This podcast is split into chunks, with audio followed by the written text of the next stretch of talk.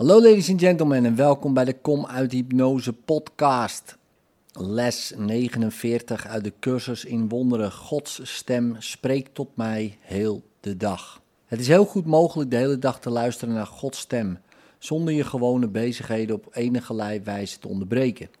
Dat deel van je denkgeest waarin de waarheid woont, staat in voortdurende communicatie met God, of jij je hiervan nu bewust bent of niet. Andere deel van je denkgeest functioneert in de wereld en gehoorzaamt de wetten van de wereld.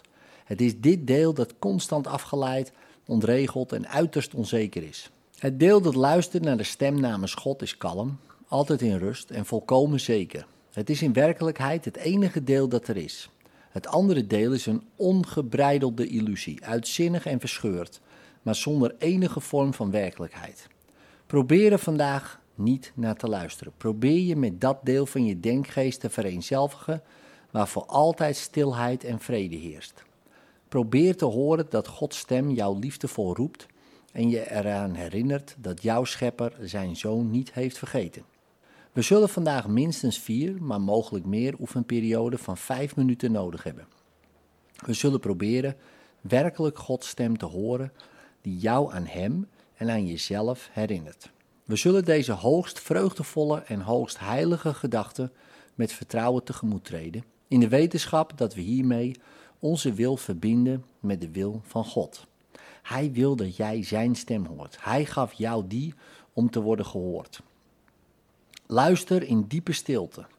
Wees heel stil en stel je denkgeest open. Ga aan alle schrille kreten en ziekelijke fantasieën voorbij die jouw werkelijke gedachten verhullen en je eeuwige verbinding met God versluieren.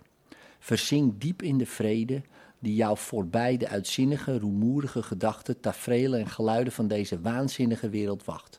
Hier woon jij niet. We proberen jouw werkelijke thuis te bereiken. We proberen de plek te bereiken waar jij werkelijk welkom bent. We proberen God te bereiken. Vergeet niet het idee van vandaag heel vaak te herhalen. Doe dit waar nodig met je ogen open, maar waar mogelijk met je ogen dicht.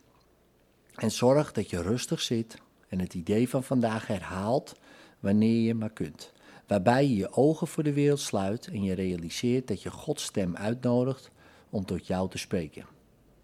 In liefde, tot morgen.